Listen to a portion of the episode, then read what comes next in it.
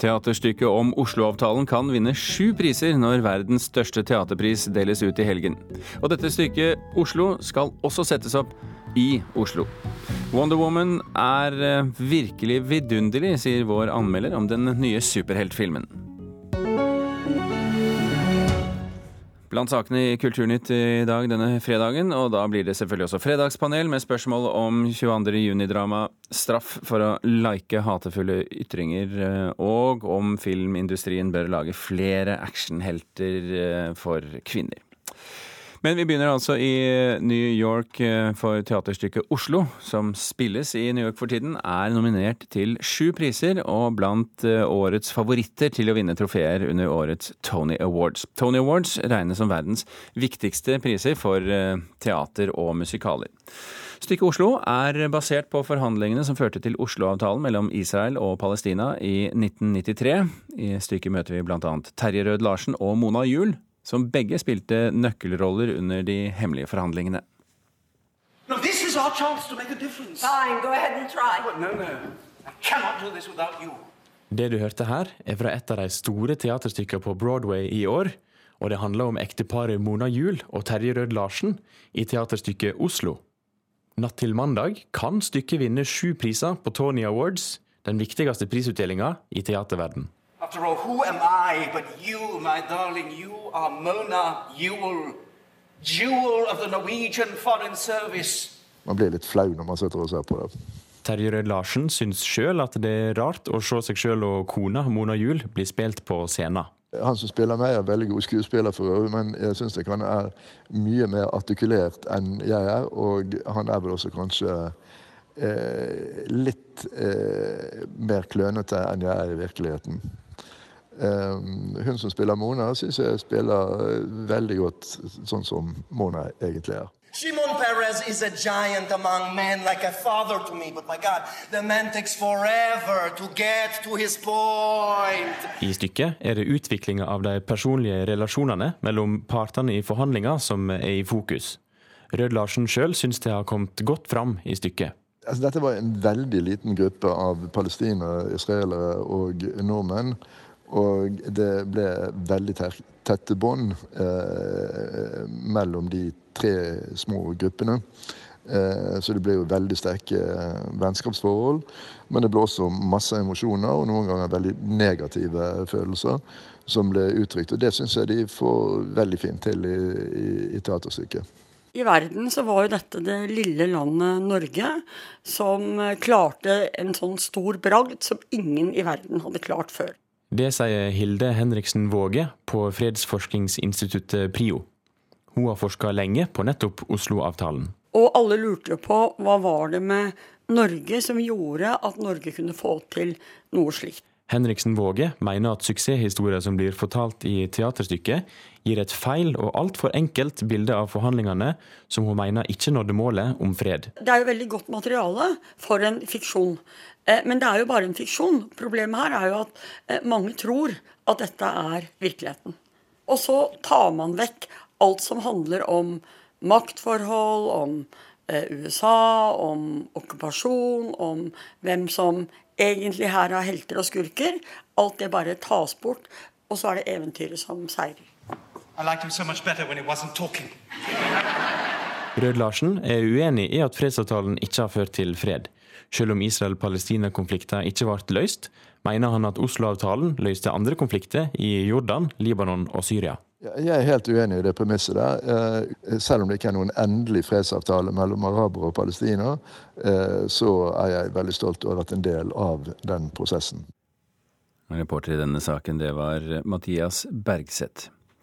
Erik Ulfsby, teatersjef ved Det Norske Teatret, velkommen til Kulturnytt. Takk for det. Hvorfor vil dere ved Det Norske Teatret sette opp stykket Oslo?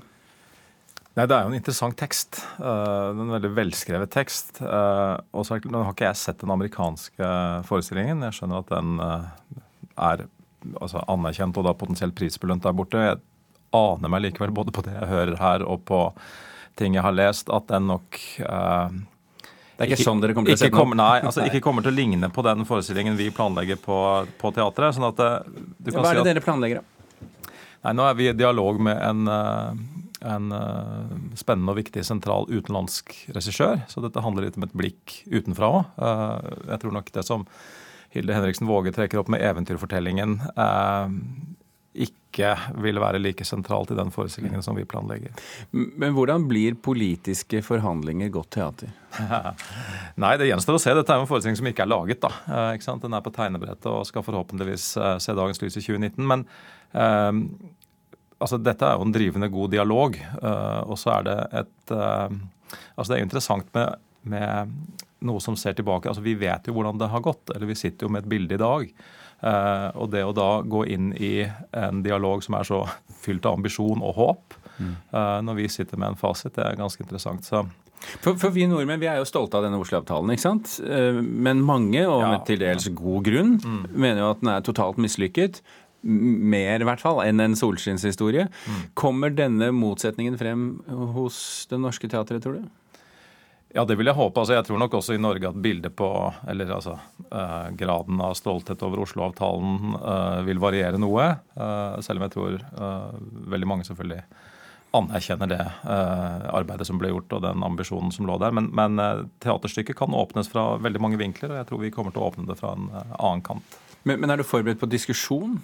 Når, når uh, stykket settes opp? Ja, Ikke bare forberedt på, men ønsker sterkt. Uh, altså Det er på en måte uh, noe av agendaen her. At vi tar et stoff som vi mener er veldig velegnet for diskusjon. altså Det er et diskusjonsstykke i teatersalen, men jeg tror også det er et diskusjonsstykke på trikken hjem. Men må, må det med andre ord må med andre ord stykket Oslo tilpasses Oslo når det skal spilles her? Ja, til en viss grad. altså er, Vi er jo i Oslo. altså Vi som skal sitte og se det, er jo i Oslo. Så det er klart at veldig mye av det som ligger i den amerikanske teksten av sånn eh, forklaringer over si, både Oslo by og norske forhold, eh, blir jo på en måte helt meningsløst i Oslo. Eh, så jeg, jeg, tror vi vil ha på oss andre briller når vi ser det, og det tror jeg teksten tjener på. Det tror jeg teatret tjener på. Erik Ulfsby ved Det Norske Teatret, takk for at du orienterte om stykket Oslo.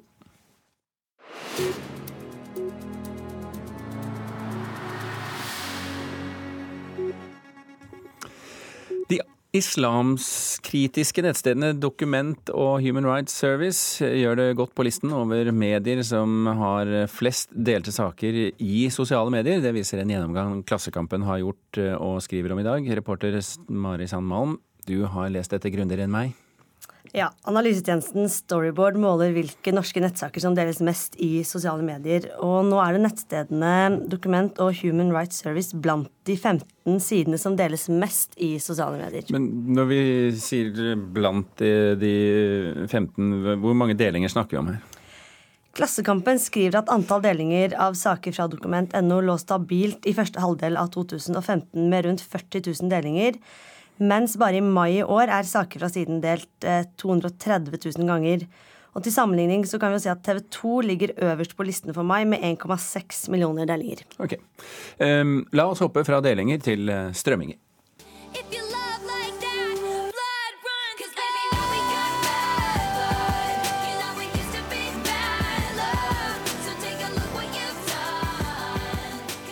Ja, dette her er eh, Taylor Swift, en av verdens eh, største og i hvert fall mest innbringende eh, artister. Hun er nå tilbake på Spotify etter å ha holdt musikken sin unna den strømmetjenesten i nesten tre år. Mari, forklar hvorfor gjør hun seg tilgjengelig nå? Managementet hennes skriver på Twitter at hun gjerne vil takke fansen sin ved å gjøre hele katalogen tilgjengelig. Okay. Nå er Taylor Swift eh, langt ifra den eneste som er skeptisk til strømming, og Prince, Coldplay og Adele er andre som ikke ønsker dette fordi de er redd for å tape inntekter på det. Men fansen hennes er uansett glad for dette og viser sin entusiasme i sosiale medier.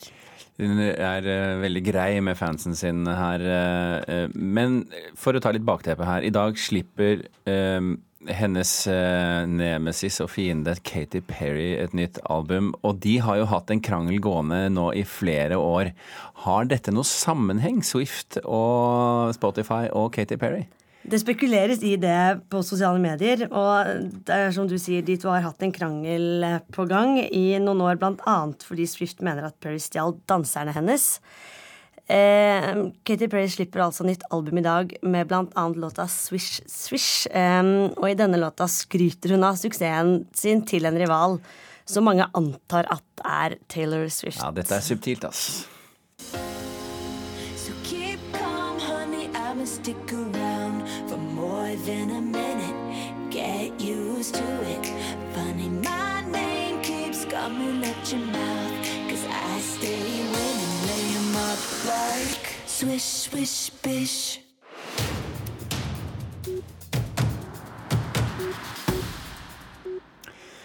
Vi holder oss eh, til USA i dag, vi virker det som. eh, For superheltfilmen Wonder Woman har førpremiere i flere norske byer denne helgen. Forrige helg så satte Patty Jenkins åpningshelgrekord for en kvinnelig regissør, med en inntjening på 103 millioner dollar i USA. Filmen har fått kjempekritikker eh, i eh, Amerika. NRKs filmkritiker Birger Vestmo kan fortelle at Wonder Woman er både engasjerende og underholdende. I used to want to save the world. But the closer you get, the more you see the great darkness within. Wonder Woman er virkelig vidunderlig. Gal Gadot spiller hun ikke bare som en slagkraftig kriger, men òg som et varmt omsorgsmenneske som lar kjærlighet være veiviser gjennom historien. Det høres kanskje vidløftig ut, men regissør Jenkins greier virkelig å fortelle en historie med en hovedfigur som definitivt er skrudd sammen litt annerledes. Wonder Woman er en velkommen avveksling fra mannlige superhelter som gjerne har mørkertrekk og sliter med moralske spørsmål. Dette er en film som får oss til å føle for heltinna i sentrum. Den underholder òg med et imponerende arsenal av spesialeffekter, men Wonder Womans kjerneverdier er en rød tråd gjennom hele historien. Harder.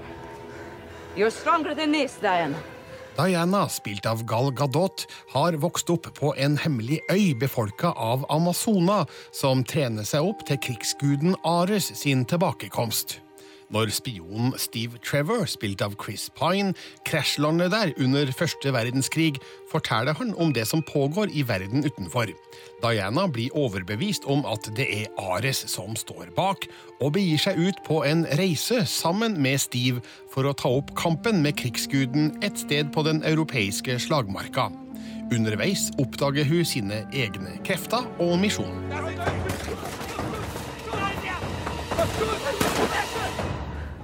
Stay here. I'll go ahead. Gal Gadot gjør en fantastisk figur som Diana. Hun har sjølsagt et utseende som et kamera bare må elske, men har òg evnen til å formidle en figur med hjertet på rett sted, sjøl om hun innledningsvis har en naiv holdning til det som foregår rundt hun. Hennes reaksjoner på menneskets ondskap er likevel forståelig. I utgangspunktet tror hun på mennesket som godt og fredelig. Opplevelsene under første verdenskrig får hun til å innse at det nok ikke er så enkelt, slik det heller ikke er i det virkelige liv. You Wonder Woman er lett den beste DC-filmen til dags dato. Her utløses DC-universets fulle potensial, der figurene brukes til å fortelle en historie som så avgjort engasjerer med sine moralske problemstillinger og diskusjoner om menneskehetens ødeleggelsesinstinkt. At Wonder Woman òg kan skilte med noen utrolig store og lekre kampsekvenser, gjør sjølsagt heller ingenting. Man forventer det av en superheltfilm, og Patty Jenkins innfrir på en overbevisende måte. You expect a battle to be fair. A battle will never be fair. Wonder Woman har førpremiere i flere byer denne helgen, og har vanlig norgespremiere neste fredag. Den ble anmeldt av Birger Vestmo. Klokken har passert 17 minutter over åtte. Du hører på Kulturnytt, og dette er toppsaken i Nyhetsmorgen nå. De konservative mister flertallet i det britiske parlamentet, og statsminister Theresa May bør gå, sier Labour-lederen Jeremy Corbyn. Men May sier hun bør bli sittende for å sikre stabilitet. Det er stor usikkerhet rundt jordbruksforhandlingene i Stortinget. Venstre forlot forhandlingsbordet i går kveld, og ingen løsning har så langt flertall i Stortinget. Og I sju år på rad har mødrene i Norge blitt eldre og fått stadig færre barn. Nå krever KrF at barnefamiliene må få mer penger. Og da har vi eh, Fredagspanelet klart. Med oss fra studio i Stavanger, Solveig Grødem Sandelsson, kulturredaktør i Stavanger Aftenblad. Katrine Aspås, journalist og forfatter her i studio. Og sannelig tilbake i sendingen, Erik Ulfsby, teatersjef ved Det Norske Teatret. Velkommen alle sammen. Takk takk, takk. Du hører oss med andre ord godt, Solveig? Det gjør jeg. Jeg er nok mest debattredaktør, hvis en skal være veldig pirkete. Men sånn- Mest debattredaktør. Det er veldig, eh, jeg syns det er veldig sympatisk av deg å si det på den måten. Ja. Ja.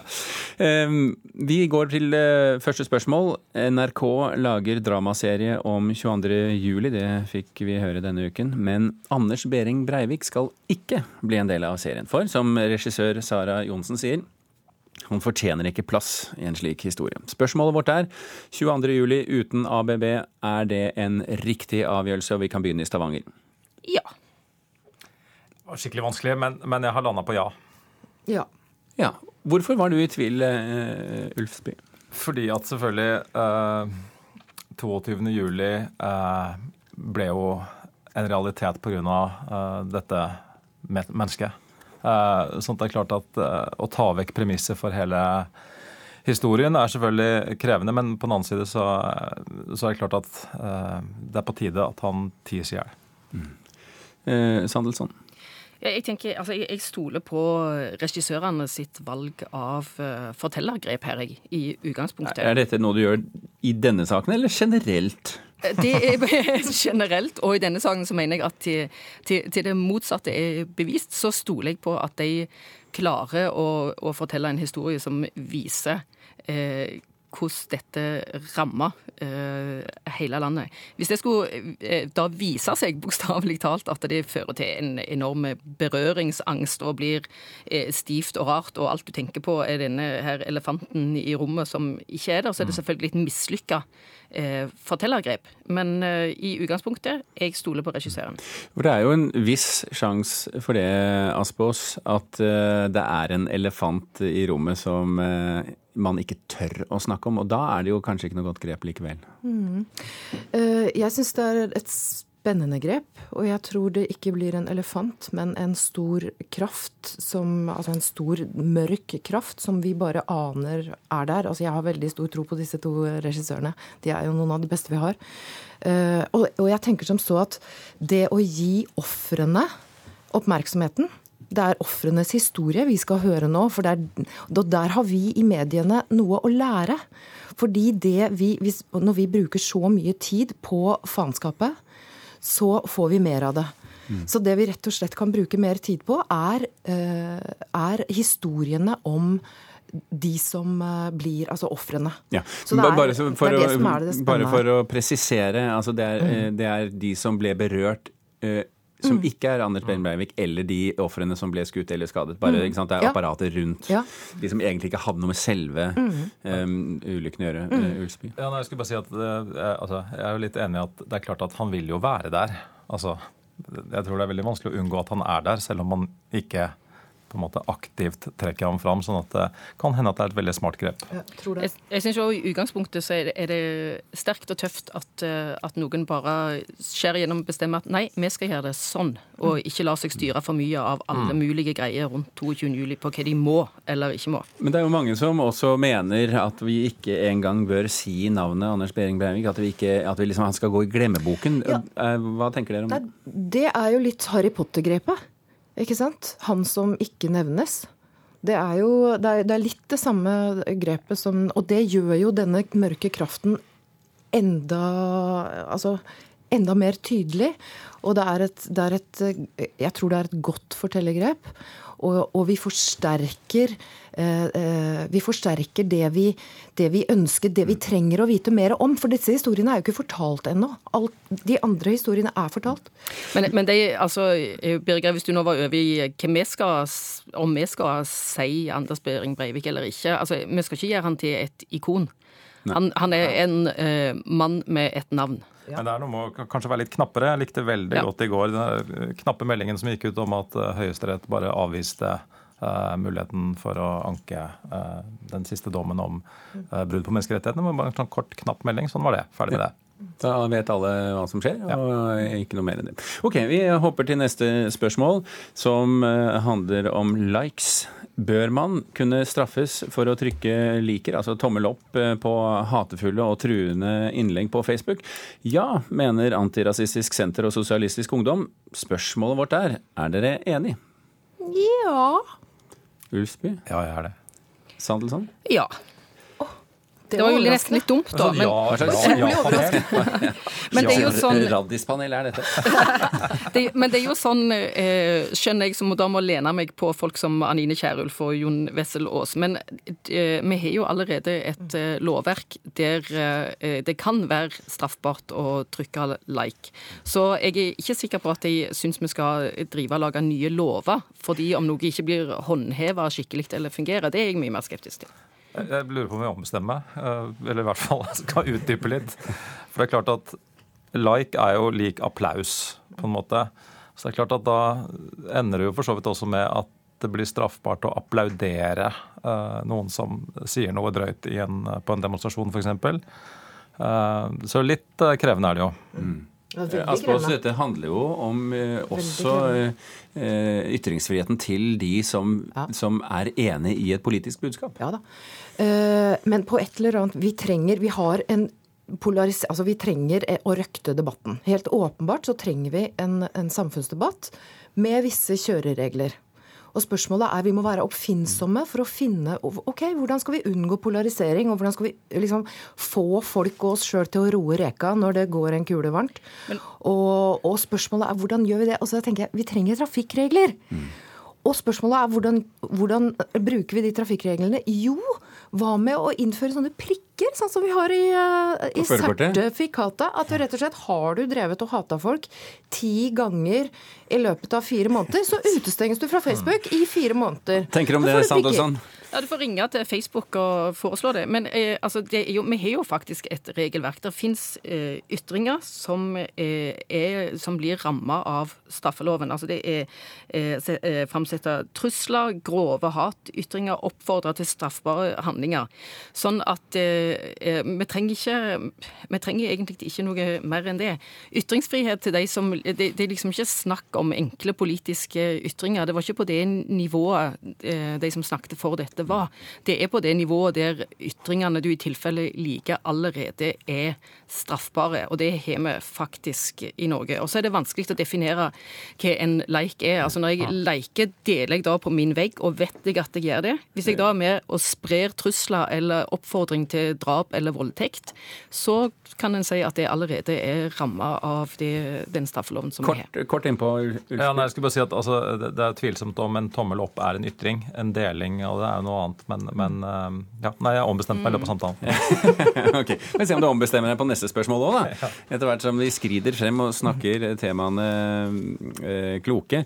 Filmen Wonder Woman, som vi snakket om litt der tidligere, har tatt både kritikere og publikum i USA med storm, og den omtales som en milepæl for filmindustrien.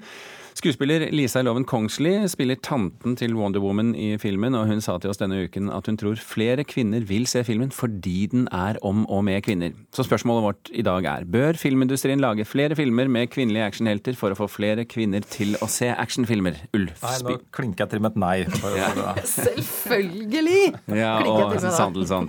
Jeg skulle hatt sånn ja til første delen av spørsmålet og nei til den andre Ja, delen. ok. Det kan du få i dag. Men eh, vi begynner med Ulf Ulfsby. Nei, altså dette er jo mer for altså, Dette er ikke min sjanger, actionfilmer. Eh, jeg, min følelse er at eh, verden ikke trenger flere actionfilmer. Vi, det, vi flommer over av actionfilmer. sånn at eh, hvis nå Det er vel kjønnsfordelingen vi snakker jo, da, men Hvis nå på en måte det skal bli dobbelt så mange, altså hvis på en måte det skal bli, så, så tror jeg det er en dårlig deal for, for kunsten. Men jeg applauderer jo veldig flere interessante roller for kvinner, men jeg er ikke sikker på om de finner dem i den sjangeren. Mm. Aspås? Ja, altså det det er jo, det er jo Forskningen viser det. At stereotypier, de påvirker oss hvordan vi eh, oppfører oss. Så når kvinner tror at vi er eh, ikke i stand til å innta det ene og det andre stillingen og være sterke, så blir vi svake. Så vi oppfyller vårt eget profeti. Er, eh, så derfor så trenger vi denne typen, denne typen filmer. Jeg er helt enig i at vi trenger mer actionfilmer? Nei, det er jeg ikke helt sikker på. Du bytter ut får noen kanskje- av mannlige heltene med det kvinnelige, er det det? Ja, altså får vi kanskje annerledes actionfilmer. Det, det kan jo være at vi får. Men Obama-effekten i USA, det viser det at uh, afroamerikanske barn gjør det bedre på nasjonale tester nå. Fordi de har sett en Fordi stereotypien er jo ikke så bra Mm. Ikke- i deres favør. Men eh, men, når, de, når de har sett altså, et helt apparat som ser ut som dem, så gjør de det bedre. Sandelsson, eh, flere kvinnelige actionhelter, er det det du vil ha? Ja, det er jo eh, Altså, ja til å, å vise fram tøffe damer, det er helt klart. Men jeg tenker, du trenger jo ikke gjøre det for å få flere damer til å gå og se actionfilmer. Men eh, at, eh, at vi alle kan få se damer som eh, tar eh, Ja, tar Men, men, men hvis eh, Aspås har rett i det hun sier her, sånn, så bør jo flere kvinner gå og se actionfilmer. Aspås har rett, for det er forskning. Det er forskningsbasert. Les boken 'Choke' av Sien Beilock. Hun skriver en hel bok om hvordan vi oppfyller våre egne stereotypier. Så vi er nødt til å vite om dette her, og se oss selv som actionhelter. Egentlig alle sammen, altså. For at det er jo, vi er jo, ønsker å være helter i eget liv. Men Sandelsson, jeg avbrøt deg, unnskyld. Nei, nei, jeg skal både lese bok, og så springer jeg på kino når det er tøffe damer. Ja. Men én ting kan man nå i hvert fall si er hyggelig, Ulfsby, og det er at denne filmen har fått veldig gode kritikker av veldig gode kritikere. Ja, ja, nei, det er hyggelig. Altså, Mitt uh, anliggende er for så vidt bare at denne sjangeren, den, eh, den sveller, på en måte. Uh, og den eh, eh, fortrenger eh, historier som kanskje er viktigere å fortelle. Sånn at eh, jeg tror at eh, Ja, nei, jeg holder på mitt nei. Det- det kan jo være hele Nei, men Uansett hva dere holder og ikke holder på, jeg er nødt til å runde av sendingen, for det er ikke mer tid til Kulturnytt og verken til Fredagspanelet. Så vi runder av. La oss bare påpeke, siden vi begynte med teaterstykket om Oslo-avtalen, som kunne vinne syv priser på verdens største teaterpris, Tony Awards, i helgen. Vi er selvfølgelig eh, på merket mandag morgen og snakker om dette hvis det skulle være noen priser å vinne. Så får du høre det om i, i Kulturnytt. Gjermund Jappé og Birger Kåss Råsund takker for følg.